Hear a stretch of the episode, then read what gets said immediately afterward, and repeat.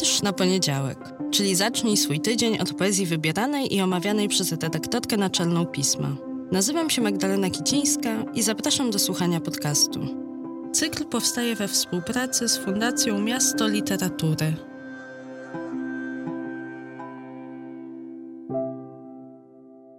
Dzień dobry, dobry wieczór, cześć, hej, witajcie.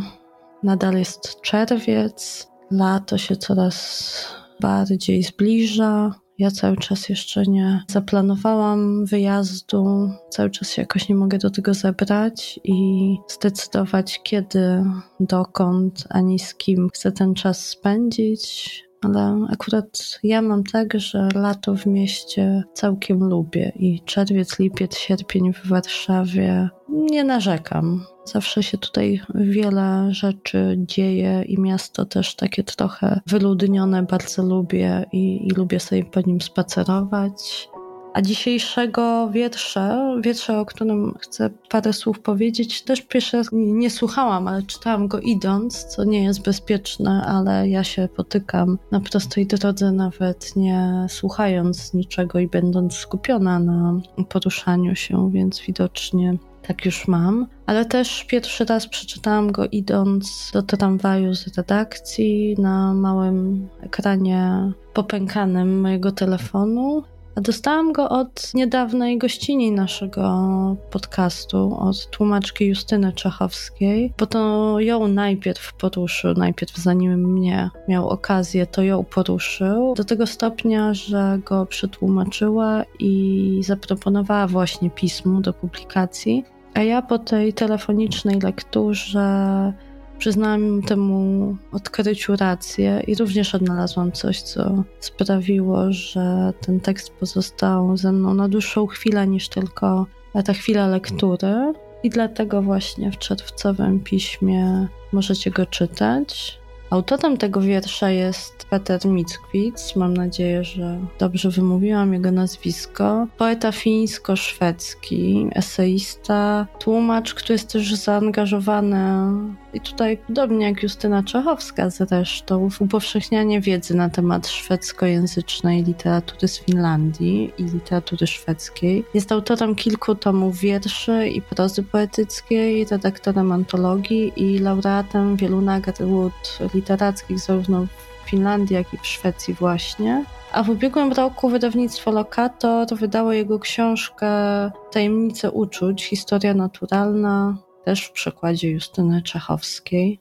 Wiersz ten, który Justyna przetłumaczyła, a pismo opublikowało, nie ma tytułu, ale chciałabym, żebyśmy zanim jeszcze dwa słowa, to go może najpierw razem posłuchali. Peter Migwitz. Bez tytułu. Czyta Maciej Więckowski. To nie jest język. To nie jest kraj to nie jest historia. To historia, którą spisaliście, nie rozumiejąc czym są czas, historia, poezja czy język, bo baliście się czasu, języka poezji, bo nie umieliście, nie śmieliście. Historia tego kraju to historia, która zaprzecza temu, co język, czas robią z historią. To nie jest kraj naszych przodków, a jeśli cofnęlibyśmy się w czasie i spotkali przodków, byliby dla nas bardziej obcy niż Irakijczycy, Somalijczycy, Romowie, których mamy za nic.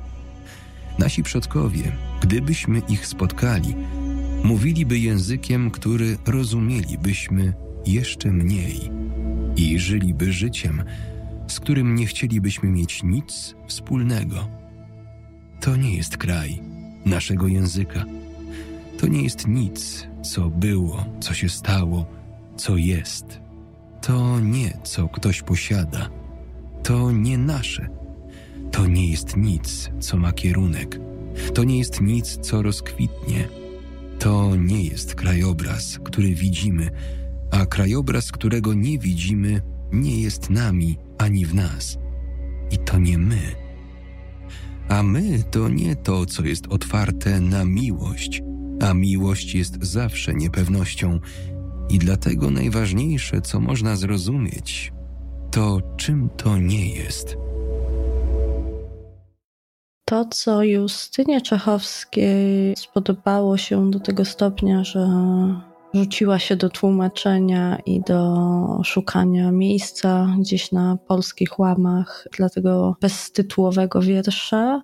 Myślę, że mamy wspólne. Mnie się podoba na pewno zakończenie, taka nieoczywista zmiana tematu z makro na mikro, z uniwersalnego w to, co bardzo intymne jak również wcześniejsze wersy, które budują napięcie i chociaż odnoszą się, jak rozumiem, do szwedzkich doświadczeń, że szwedzko-fińskich doświadczeń, bo odbijają się w nim różne społeczne problemy, w tym oznaczenie pola wspólnoty oraz bariera komunikacyjna, nie tylko chyba dosłowna, ale przede wszystkim jako metaforyczna trudność w porozumieniu się, no to właśnie, choć to są mocno osadzone w kontekście języków, w których pisze autor sytuacje poetyckie, to ja nie miałam poczucia, że w polskim kontekście będzie on jakoś niezrozumiały, obcy czy oderwany. Przeciwnie, on dlatego tak bardzo mi się spodobał, mimo odmiennego kontekstu społecznego, że zdecydowałam się go w czerwcu opublikować w piśmie, bo miałam wrażenie, że on też naszej nieporadności językowej, nieporadności w radzeniu radzeniu sobie z tymi różnicami, które od poziomu języka gdzieś między nami w naszym społeczeństwie się ujawniają, że poczułam, że ten wiersz czyta się bardzo u siebie,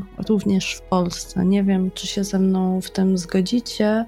Natomiast to uchwycenie tego, jak mówiąc w bardzo wielkim uproszczeniu, jak nam się czasami trudno ze sobą dogadać, ale też trudno zgodzić, że mówimy wciąż dalej tym samym wspólnym językiem.